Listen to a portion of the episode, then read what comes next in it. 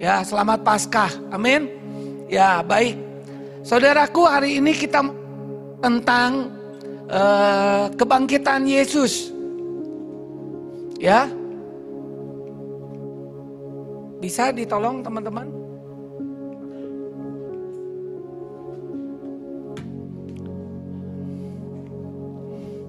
Nanti sebentar sesudahnya kita akan ada pentabisan beberapa rekan di struktur. Puji nama Tuhan. Tambah hari, tambah hari kita melihat bahwa Tuhan yang membuat teman-teman masuk dalam kegerakan. Kebangunan rohani dalam era yang baru dan era yang besar. Amin saudaraku. Di dalam satu kondisi pelayanan yang berbeda. Karena kirbat yang baru harus di Anggur yang baru harus diisi dengan kirbat yang baru. Kita harus berubah saudaraku. Karena perubahan itulah yang akan membawa kita masuk dalam dimensi yang Tuhan rindukan. Di dalam abad dimensi yang baru ini. Amin saudaraku. Amin. Ya, jadi nanti ada rekan-rekan yang kita mau tabiskan. Ya, tunggu tanggal mainnya sebentar lagi ya. Kita mau belajar tentang kebangkitan Kristus saudaraku. Ya banyak sekali yang kita bisa lihat tapi hari ini Tuhan gerakan saya selama beberapa minggu melihat sebuah peristiwa di Yohanes 20 ayat 1 sampai 5 tentang kebangkitan Kristus. Ya, saya baca ayat 1, teman-teman baca ayat yang kedua, ya. Pada hari pertama minggu itu, pagi-pagi benar ketika hari masih gelap, pergilah Maria Magdalena ke kubur itu dan ia melihat bahwa batu telah diambil dari kubur. Dua, tiga.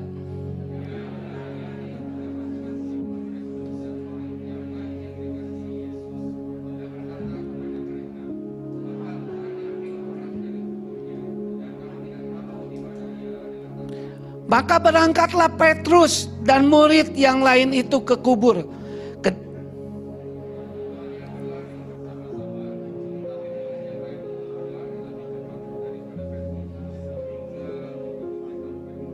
Ia menjenguk ke dalam dan melihat kain kapan terletak di tanah. Akan tetapi ia tidak masuk ke dalam.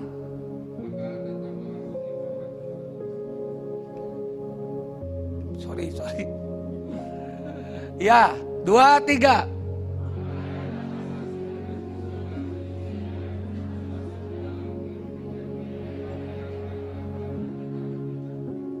Sedang kain penuh, peluh yang tadinya ada di kepala Yesus tidak terletak dekat kain kapan itu.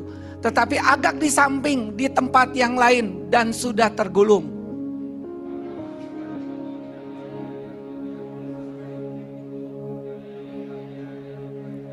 Sebab selama itu mereka belum mengerti di kitab suci yang mengatakan bahwa Yesus harus bangkit dari antara orang mati. Saudaraku yang kekasih di dalam Tuhan. Ya. Melihat fakta kubur kosong yang tadi kita baca tidak membuat para murid langsung percaya bahwa Yesus telah apa? Bangkit. Ada hal yang menarik saudaraku ya. Yang pertama yang saya temui adalah ya saya nggak banyak-banyak hanya dua poin aja.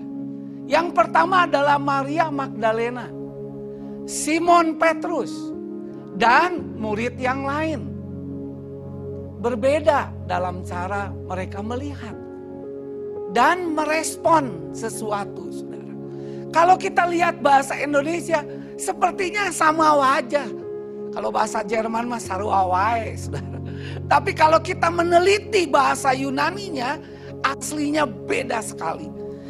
Maria Magdalena melihat bahwa batu telah diambil dari kubur. Saudaraku itu melihat itu memakai kata blepo. B L E P O. Sama-sama bilang blepo. Bukan belepotan, blepo, Saudara. Blepo itu adalah dia mengingat apa yang dilihat tapi dia sampai di sana berhenti. Kemudian dia kaget, terkejut, dia panik.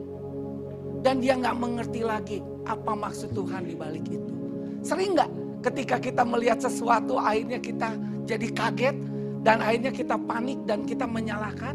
Dan akhirnya kita bilang, kok Tuhan kayak begini? Saya akan jujur, saya juga sering. Jadi penatua juga bisa ya, apalagi jemaat. Amin. Saudaraku, kita perlu jujur, saudara. Kualitas Maria Magdalena loh, saudara. Nanti kita belajar kedua siapa Maria Magdalena itu. Ya bersyukurlah yang namanya Maria Magdalena. Saudaraku. Yang kedua adalah yang namanya Petrus. Petrus terlambat datang dengan Maria. Murid-murid yang lain lebih cepat. Masih muda saudara ya. Wanita lagi. Dan akhirnya apa? Saat Petrus melihat kain kapan terletak di tanah, tadinya murid yang lain gak berani masuk. Akhirnya Petrus masuk. Dan ketika Petrus melihat beda seperti Maria Magdalena melihat. Petrus melihat dalam bahasa Yunani itu memakai kata teoreo. Teoreo, sama saya bilang teoreo. Apa artinya teoreo adalah dia berbeda. Sama seperti Maria yang hanya melihat dan mengingat tapi berhenti sampai di situ. Dan kemudian dia nggak percaya. Tapi yang luar biasa Simon Petrus mulai meningkat melihat sesuatu. Dia mengingat. Dia mengamati sesuatu yang dia lihat itu dengan terus-menerus. Bukan hanya dia mengamati dengan terus-menerus, dia saudaraku yang kekasih, dia penuh perhatian. Kenapa dia mengamatinya dengan cermat dan penuh perhatian? Karena yang diamati itu adalah sesuatu yang tidak biasa. Tapi sayangnya dia tidak percaya, saudara. Tapi yang luar biasa yang ketiga, masuklah murid-murid lain. Tadi yang kita baca, dia melihat dan apa? Percaya. Yang kita mau adalah kita melihat segala sesuatu yang terjadi dalam hidup kita. Kita meluap-luap dan kita percaya bahwa Allah sedang bekerja menyatakan mujizat dan kuasa kebangkitan atas hidup kita. Amin saudaraku. Amin. Yang luar biasa apa? Itu memakai kata horao. Sama-sama bilang horao. Kalau Yunani memang agak monyong-monyong dikit ya. Horao saudara. Apa artinya horao? Horao adalah betul-betul dia melihat secara transenden. Jadi dia melihat dari segala kesanggupan di luar segala kebang kesanggupan manusia. Jadi artinya saudara, bukankah Korintus bilang berbahagialah dan kau percaya bahwa Allah sedang mengerjakan segala sesuatu yang tidak kelihatan. Dia sedang mengerjakan sesuatu yang ajaib dan luar biasa. Amin saudara. Seringkali yang melihat itu menipu kita. Sering melihat kita, apa yang kita lihat membuat kita tergeser dengan apa yang Tuhan janjikan dalam hidup kita. Saya nggak tahu sebagai penatua apa yang sedang terjadi dalam rumah tanggamu. Sedang terjadi di dalam anak-anakmu. Sering terjadi dalam segala hal yang terlihat. Saya pernah mengalami saudara. Ketika anak saya masuk jalur undangan. Saya nggak bangga karena dia masuk jalur undangan. Tapi dia melihat sesuatu kemuliaan Tuhan yang luar biasa. Secara kalkulasi nilai, dia ngalami drop 10 nilai. Sedangkan jalur undangan itu betul-betul sesuai firman Tuhan. Terus naik dan gak boleh turun.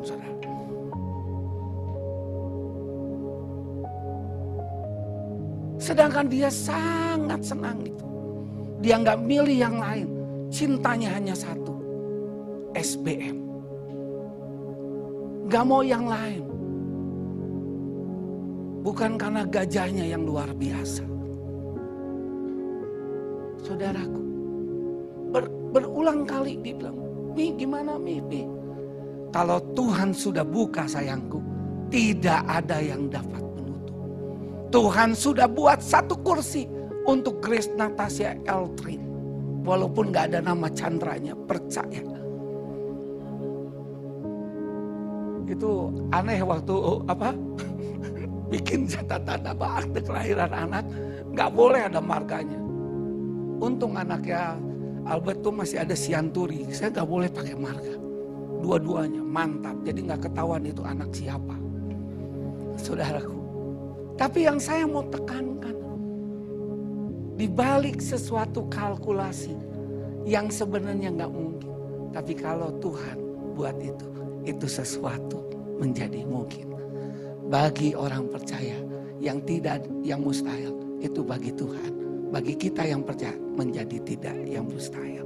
Beri kemuliaan bagi Tuhan. Saya nggak tahu apa yang sedang Anda lihat hari ini.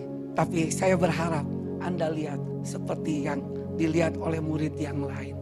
Ini nggak bicara status rohani. Ini nggak bicara berapa lama. Tapi ini bicara tentang sebuah kedalaman. Bahwa engkau percaya akan apa yang Tuhan nyatakan dalam hidup saudara. Murid yang lain kualitasnya beda dengan Petrus yang namanya Soko Guru. Kalau soal percaya itu sesuatu yang betul-betul harus dialami dan dia mengalaminya. Nggak bisa ditebengin atau di apa bersama dalam satu kendaraan nggak bisa. Itu adalah sebuah hubungan pribadi yang mendalam. Saudara, saudaraku menarik sekali. Berarti penglihatan itulah yang akan melahirkan kepercayaan akan kebangkitan bahwa Tuhan. Kalau kubur kosong membuktikan dia hidup. Anak Allah, Yesus namanya sama-sama menyembuhkan. Bahkan mati Tebus dosaku kubur kosong, kubur kosong membuktikan dia hidup. Saudaraku, belum tentu. Tapi hari ini apa pun yang terjadi, percayalah Tuhan sudah bangkit dan ada pengharapan, ada kekuatan yang luar biasa. Pasca bukan peristiwa yang biasa. Sepertinya sudah terlalu biasa karena ini adalah seperti sebuah hari Kristiani. Tapi pagi ini saya mau bilang, pasca yang kita rayakan itu adalah pasca yang menjadi kehidupan sehari-hari bukan setahun sekali. Amin. Amin. Pasca bukan peristiwa yang biasa, tetapi itu kepercayaan yang membawa kemenangan. Amin, saudara. Akan membawa kekuatan, akan membawa keteguhan, akan membuat Anda dikokohkan dan keberanian untuk bersaksi menjadi rumah kabar baik. Amin, saudara. Amin. Sekali lagi, saya nggak tahu apa yang sedang terjadi. Mungkin pergumulanmu, engkau sudah putus asa dengan semuanya. Engkau sudah berdoa dengan berbagai gaya. Bahkan terakhir dengan gaya. Hari ini yang kita lakukan, jenis ini tidak dapat ditolong dengan doa dan apa? Puasa. Percayalah bahwa kalau Allah sudah buka, tidak ada yang dapat menutup. Dan dia tahu kekuatan saudara tidak seberapa. Tapi belajarlah engkau mentaati apa yang dia sampaikan. Amin saudara. Ini yang pertama. Yang kedua, yang uh, yang saya teguhkan adalah 1 Korintus 15 ayat 14. Tetapi andai kata Kristus tidak dibangkitkan, maka sia-sialah pemberitaan kami dan sia-sialah juga kepercayaanmu. Dua kali loh saudara, itu dikatakan sia-sia. Berarti ini sesuatu yang sangat penting. Saya bersyukur kata sia-sia dalam bahasa Yunani adalah memakai kata benda kenon. Kata kerjanya adalah kenos. Artinya apa? Tanpa kebenaran, kosong, hampa, bodoh, tidak ada gunanya, tidak ada kebangkitan. Injil sama sekali tidak ada artinya, saudara. Saudaraku, kalau saya mau katakan, tetapi andai kata Kristus tidak dibangkitkan, maka tanpa kebenaran, Hidupmu kosong, hidupmu hampa, hidupmu sia-sia, hidupmu bodoh, hidupmu tidak ada gunanya, tidak ada kebangkitan. Injil sama sekali tidak ada artinya. Pemberitaan kami pun dan kepercayaan kami juga tanpa kebenaran. Kepercayaan kami kosong, kepercayaan kami hampa, kepercayaan kami sia-sia kepercayaan kami dibodohi, kepercayaan kami tidak ada gunanya karena kepercayaan kami tidak ada kebangkitan. Berarti kepercayaan kami dengan Injil sama sekali tidak arti ada artinya. Tetapi Tuhan Yesus sudah bangkit. Amin. Berarti kepercayaan kita kepercayaan kita itu mempunyai kebenaran. Kepercayaan itu mempunyai makna. Kepercayaan itu tidak menjadi hampa, tapi itu berarti tidak sia-sia tapi menjadi sesuatu yang bermanfaat, bukan menjadi bodoh, tapi itu menjadi kepandaian. Bahkan Tuhan bilang, apa yang bodoh menurut dunia, Tuhan permalukan orang-orang yang merasakan dirinya berhikmat. Amin, saudaraku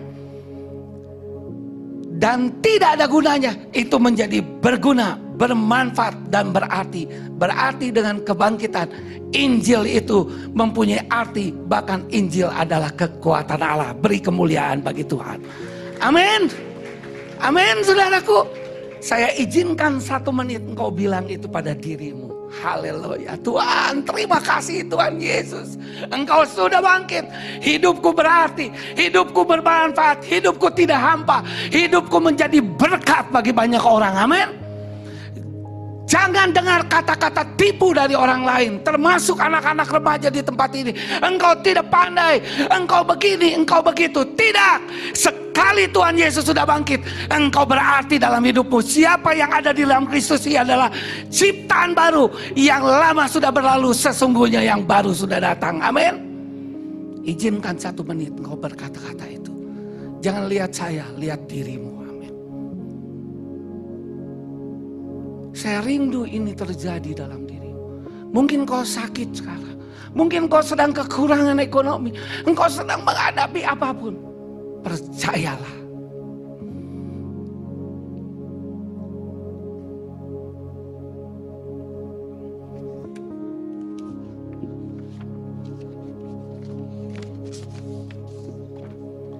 Haleluya. Amin. Haleluya. Bilang haleluya. Amin. Yang kedua, saya diingatkan 1 Korintus 15 ayat 57 58. Ayat ini sering sekali kalau pasca. Sering kali diucapkan, tapi kemarin waktu saya nyiapin ada satu kata yang berbicara luar biasa. Tetapi syukur kepada Allah kita terus hidup dalam bersyukur. Allah yang telah memberikan, telah berarti sudah memberikan kepada kita kemenangan oleh Yesus Kristus Tuhan kita. Karena itu saudara-saudaraku yang kekasih, berdirilah teguh, jangan goyah dan giatlah selalu dalam pekerjaan Tuhan. Sebab kamu tahu bahwa dalam persekutuan dengan Tuhan jeripayamu tidak sia-sia. Dan Tuhan bicara luar biasa pada saya pagi. Beberapa hari ini adalah giatlah selalu dalam pekerjaan Tuhan. Kalau saudara lihat ini, ayat ini sepertinya biasa. Tapi kalau kita telusuri dalam bahasa aslinya, giatlah selalu itu memakai kata presio. Sama-sama bilang presio. Artinya itu dua hal. Penuh. Jadi bukan hanya penuh gairah, penuh semangat, tapi penuh bahkan sampai membludak. Penuh bahkan sampai apa? Membludak. Ketika engkau tahu bahwa Yesus bangkit itu membuat kita giat selalu. Penuh sampai membludak. Sama-sama bilang membludak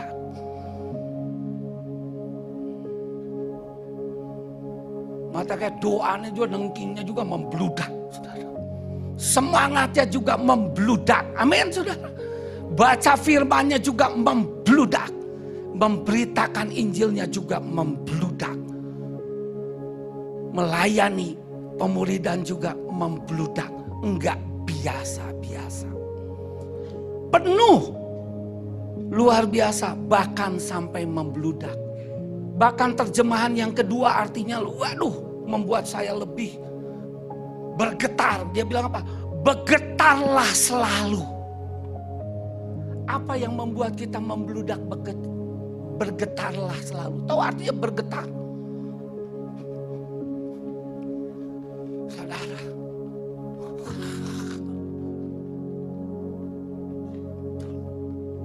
Bergetarlah selalu. Karena apa? Pekerjaan Saudaraku, hanya karena pekerjaan Tuhan. Karena itu pastikan apa yang kita lakukan adalah itu adalah pekerjaan Tuhan. Itu akan membuat kita penuh dengan membludak. Itu yang membuat kita bergairah. Ada satu orang yang saya konseling di sebuah sekolah. Sudah 20 tahun dia bekerja. Saya bilang gini, kamu nggak merasa capek malah menjadi guru SD? Kalau perempuan kan rata-rata capek e, biasa ya kalau perempuan itu jadi guru ya. Kalau ini laki-laki. Enggak. Saya tahu karena dari pertama saya lulus saya punya panggilan, saya ingin jadi guru dan saya tahu itu panggilan dari Tuhan. Itu membuat saya bergairah. Ketika saya melihat anak-anak, saya penuh dengan membludak. Membuat kita bergetar Padahal dia ngajar matematika bukan jadi mati-matian betul. Tapi membuat sesuatu yang hidup. Saudara. Demikian pula kita. Terjemahan bahasa Yunani kata pekerjaan itu luar biasa saudara. Oh karena itu jangan heran kita Proma bilang.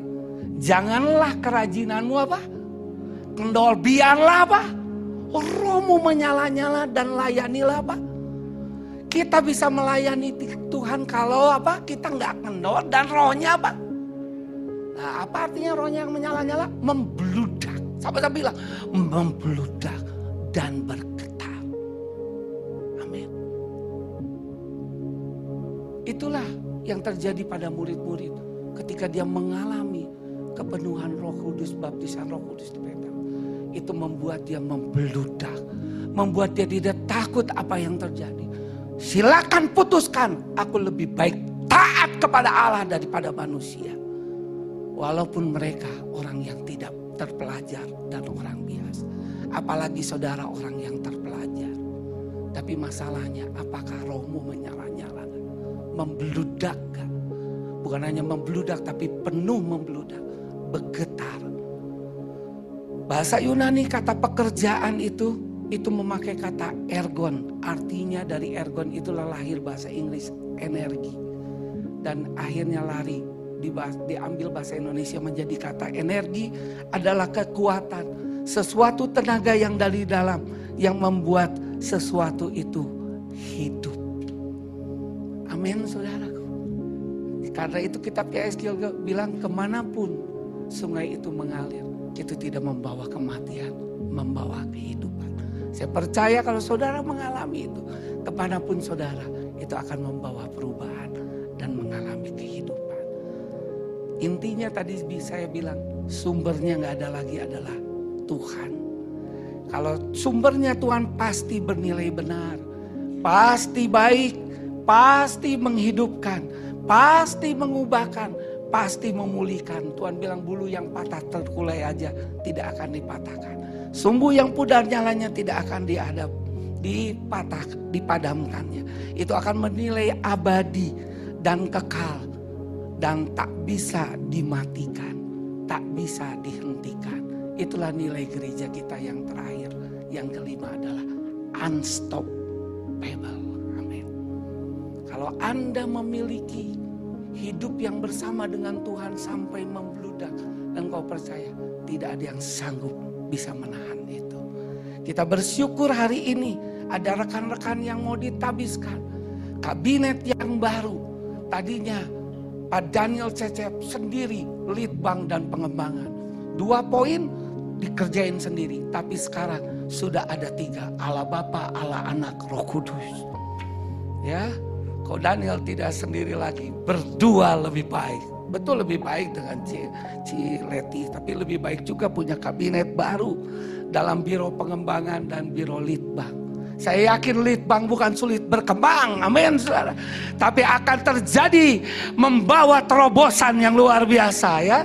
Saya senang sekali Bang Ferry Lamsiar, selamat datang dalam bidang yang baru dan ini teman saya. Ya, bukan baru ini stok lama kembali dipakai Tuhan luar biasa. Bang Albert Sianturi, haleluya, selamat datang dalam kabinet baru saudara. Beri kemuliaan bagi Tuhan ya. Ya kemudian uh, Bang Levi juga Tidak lagi hanya sendiri, sekarang bersama. Dia bilang, nih kok kerjaannya banyak. Dikabungin kok sendiri. Tenang. Sedang disusun kabinetnya. Silakan Bang Levi cari kabinet yang baru. Dan akhirnya muncullah Esti. Sekarang Esti tidak lagi sendiri. Haleluya, ada Mas Jojo. Beri kemuliaan bagi Tuhan. Wah, ini kalau mereka semuanya membludak bergetar. Wow, sama-sama bilang, wow. Ya. Dan ya kita tahu ya, sekarang mulai ada kabinet pergantian. Karena saya yakin Bung Kres lihat dari surga tersenyumnya. Dia sudah siapkan. Itu Bang Martin nanti akan menjadi ketua departemen profetik. Kita dukung terus ya. Kita dari surga bergema. Haleluya. Ya, saya suka sekali. Ya, dan yang luar biasa ya, itu ada tanda-tanda loh. Saya udah lihat. Pas waktu itu struktur yang pertama kita rapat, yang datang adalah Bang Martin. Saya nggak pernah pikiran apa-apa. Oh berarti betul-betul sedang disiapkan Tuhan. Dan seminggu kemudian beliau Bung dipanggil Tuhan. Semuanya juga ada waktunya. Tapi bersyukur nanti Bang Martin Sinaga, haleluya, ya akan kita tabiskan supaya tidak ada lagi deklok, langsung dia bisa memimpin profetik dengan dimensi yang baru luar biasa. Sekali lagi beri kemuliaan bagi Tuhan. Saudaraku indah sekali. Dan ada kabinet yang belum ada anggotanya yang sedang menunggu saudara. Biro konseling. Kenapa biro konseling penting? Supaya yang konslet-konslet ini dibereskan. Saudara, karena yang natural harus dijagai dengan supranatural. Supranatural juga harus dijaga oleh natural. Indah sekali pengurapan roh kudus dijagain juga ilmu konseling. Maka yang terjadi akan membludak, akan bergairah. Setuju gak saudara? Amin? Amin? Nggak bisa hanya ditengking-tengking, sudah ditengking, udah roboh beberapa kali kok nggak berubah-ubah. Berarti kudu dikonseling lebih lanjut. Amin saudara. Ya, saya ngerti arti tertawa saudara. Berarti saudara perlu dikonseling juga. saudara, mari kita berubah aliran karismatik. Yang supranatural harus dijaga yang oleh natural. Natural juga harus dijaga oleh apa? Supranatural. Tuhan Yesus juga bukan hanya jago dalam pengurapan. Dia juga jago mengkonseling orang. Kan dia tanya, betul gak? Ketika akar masalahnya diketemukan. Itu kita hancurkan, kita patahkan. Dia akan mengalami kemenangan dan kemuliaan. Nah dokter Ahmad butuh kabinet baru saudara. Ya, ya, yang mau ayo gabung. Percayalah ini pekerjaan Tuhan yang akan memberkati GKKDBP Bahkan bukan hanya memberkati GKKDBP, akan memberkati Indonesia dan bangsa-bangsa. Haleluya. Beri kemuliaan bagi Tuhan. Mungkin satu-satunya di sinode yang gereja GKKD yang ada departemen biro konseling. Tepuk tangan. Akhirnya GKKD masuk juga yang natural. Amin. Karena Tuhan ingin dari satu kemuliaan kepada apa? memang gak gampang. Dosen saya bilang, tidak mudah orang mau masuk dalam dunia konseling. Karena ketika dunia konseling kita harus menyediakan waktu, tenaga, perhatian, senyum yang besar dan jiwa yang besar. Karena orang di konseling tidak jelas. Kalau orang dibaptis roh kudus jelas di retret betul. Sampai selesai. Tapi kalau yang konseling nggak tahu. Satu, dua, tiga kali. Tetapi dia harus tuntas mengalami perubahan. Dan itu harus kekuatan. Kalau Tuhan bicara, jangan ragu bisa bicara sama penatua, sama saya dan Bang Leo. Dan langsung juga ke dokter Ahmad, saya akan kasih nomornya. Terus jangan punya pikiran kalau orang yang di konseling itu sedang gangguan jiwa. Itu hati-hati. Saudara, salah satu keberhasilan saya jadi kepala sekolah, saya menghargai yang namanya guru BK. Itu penasehatnya Patin. Dua yang saya jaga di depan ruang saya sebagai kepala sekolah adalah TU dan BK. Jangan anggap enteng itu tata usaha. Itu adalah center of excellence. Sebelum menghadapi kepala sekolah kan TU dulu. Dan yang terakhir adalah ini yang saya mau bagiin saudara. Maria Magdalena terpilih sebagai saksi pasca yang pertama. Di, di Israel, seorang wanita itu tidak diberi kesempatan sebagai saksi pertama untuk peristiwa yang paling penting. Bahkan dianggap apa ya? Kalau saya bilang lemah, kurang dihargai. Bahkan di pengadilan hukum pada zaman itu tidak dapat mengakui kesaksian seorang wanita. Tapi yang luar biasa, kenapa Tuhan jumpai Maria Magdalena bukan murid yang lain? Ini yang membuat saya menarik. Saya pernah salah, saya anggap Maria Magdalena itu orang yang pernah berzina yang akhirnya dipulihkan oleh Tuhan Yesus. Bukan. Maria Magdalena adalah seorang yang memiliki kodrat ilahi dan benih ilahi. Kenapa saudaraku? Karena dia pernah mengalami tujuh roh jahat menguasai dia. Hidup yang tidak berarti, tidak berharga. Dia mendapatkan pengharapan, kemenangan. Sehingga dia mempunyai kesempatan untuk melayani Tuhan. Kehidupan yang menyenangkan tuh Segala sesuatu yang masuk dalam kehidupan yang menyenangkan Tuhan telah diberikan secara ajaib. Kepada kita dengan mengenal secara pribadi dan intim dia yang mengundang kita kepada Tuhan. Undangan terbaik yang pernah kami terima. Kami juga diberi janji yang sangat luar biasa untuk disampaikan kepada Anda. Tiket untuk berpartisipasi dalam kehidupan Tuhan setelah Anda meninggalkan dunia yang rusak oleh nafsu oleh karena kuasa kebangkitannya. Karena dia menerima Yesus Kristus. Dia menerima kehidupan yang menyenangkan. Sama-sama bilang, kehidupan yang menyenangkan. Jadi mengikut Tuhan itu senang walaupun mengalami penderitaan apa pun. Amin. Itu yang namanya kodrat kuasa ilahi. Kehidupan yang menyenangkan yang diberikan secara ajaib. Yang membuat kita semakin intim di dalam Tuhan. Mari Jemaat Tuhan milikilah keintiman dengan dia. Amin. Ini yang luar biasa. Bahkan kita diundang mendapatkan undangan yang terbaik. Bilang sama-sama. Tangannya di atas. Terima kasih Tuhan Yesus. Siapa aku Tuhan? Aku mendapatkan undangan yang terbaik. Hidup bersama engkau. Amin saudara. Sehingga kita dapat meninggalkan dunia yang penuh kerusakan nafsu karena ikut Tuhan Yesus. Dengan apakah seorang muda mempertahankan kelakuannya bersih? Dengan firman Allah. Saya percaya generasi di GKKD Bandung Pusat adalah generasi yang tidak bercela dan tidak bernoda di dunia ini menjadi generasi bintangnya Tuhan. Amin. Saudaraku, Bahkan gimana supaya ngalaminya? Ini yang saya mau kasih nasihat.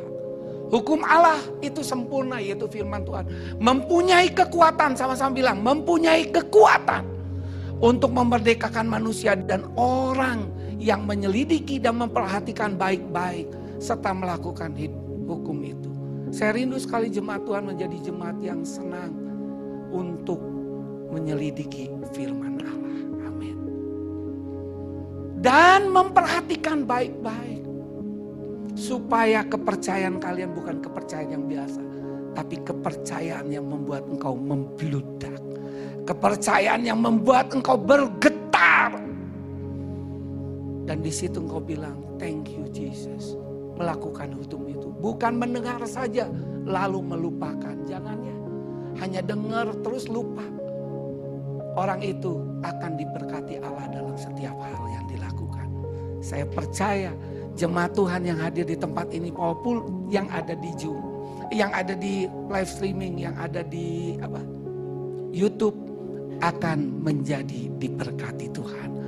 Walaupun kondisi apa pun saya tetap percaya umat yang mengenal Allahnya akan tetap kuat dan bertindak.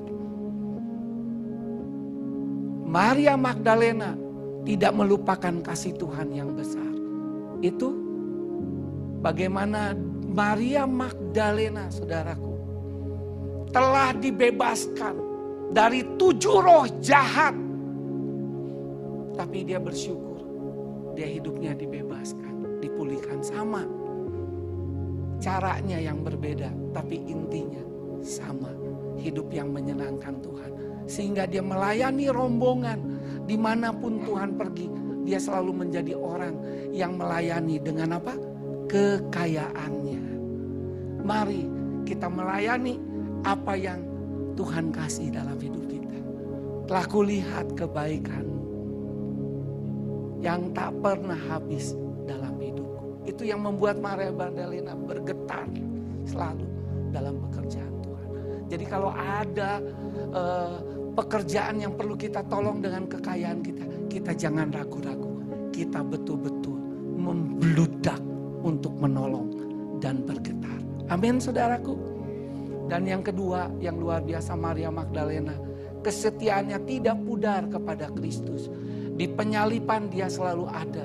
Ketika kematian dia selalu ada. Bahkan Tuhan Yesus waktu dikuburkan. Dia yang datang, dia kasih rempah-rempah. Dia terhormat. Orang yang paling menghormati Tuhan.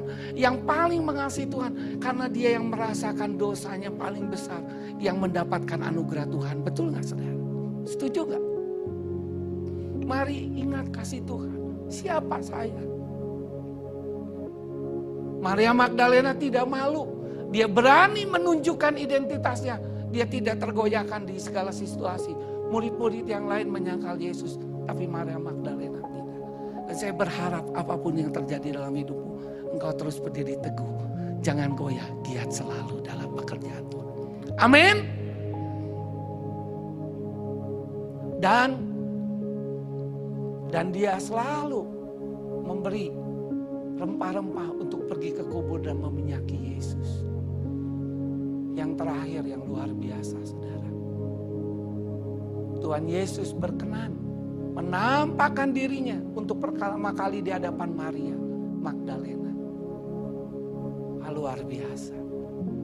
Saya bilang Tuhan kenapa bukan Petrus? Kenapa bukan Yohanes murid yang dikasih? Semua pada kabur, takut saudara. Sembunyi. Tapi Maria Magdalena. Setelah Yesus bangkit pagi pagi hari. Pada hari pertama minggu itu ia mula-mula menampakkan dirinya kepada Maria Magdalena. Dari dia Yesus pernah mengusir apa?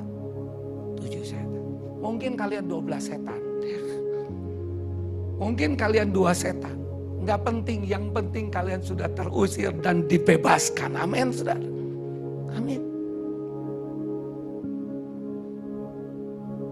Maria Magdalena dipercayakan sebagai orang pertama pemberita kebangkitan Tuhan. Maria Magdalena pergi dan berkata kepada muridnya, aku telah melihat Tuhan. Dia berubah. Dan juga bahwa dia yang mengatakan hal itu kepadanya. Terjadi sebuah perubahan. Lihat Yohanes 20 ayat 1 beda nggak dengan ayat 18? Butuh waktu untuk mempercayai sesuatu nggak gampang. Tapi yang pasti, so pasti kata anak muda, engkau percaya bahwa Tuhan itu bangkit. Memberitakan kematian dan kebangkitan itu yang haruslah diwartakan kepada segala bangsa bahwa manusia harus bertobat dan bahwa Allah mengampuni dosa. Inilah rumah kabar baik yang kita sudah dapatkan dan kita mau memberitakan pada orang lain. Ini yang terakhir ya. Warren Wisby. Dia bilang belas kasih adalah jembatan yang dibangun Tuhan bagi umat manusia. Kalau Tuhan tidak datang dan dia mau mati di kayu salib dan kemudian dia bangkit. Mengambil kunci alam maut. Mungkin dia nggak akan berkata akulah kebangkitan dan hidup. Barang siapa yang percaya dia tidak akan mati. Dia akan memiliki kebangkitan hidup yang kekal. Tapi bagian kita Mau nggak belas kasih juga jembatan kita bangun Amin. Mari kita mulai peduli, mulai mengasihi. Tuhan Yesus memberkati. Kita bangkit berdiri, kita nyanyi. Mengiringmu, yang referennya aja. Seumur hidupku. Kita masuk dalam Tuhan dan bilang Tuhan, aku mau ngiring engkau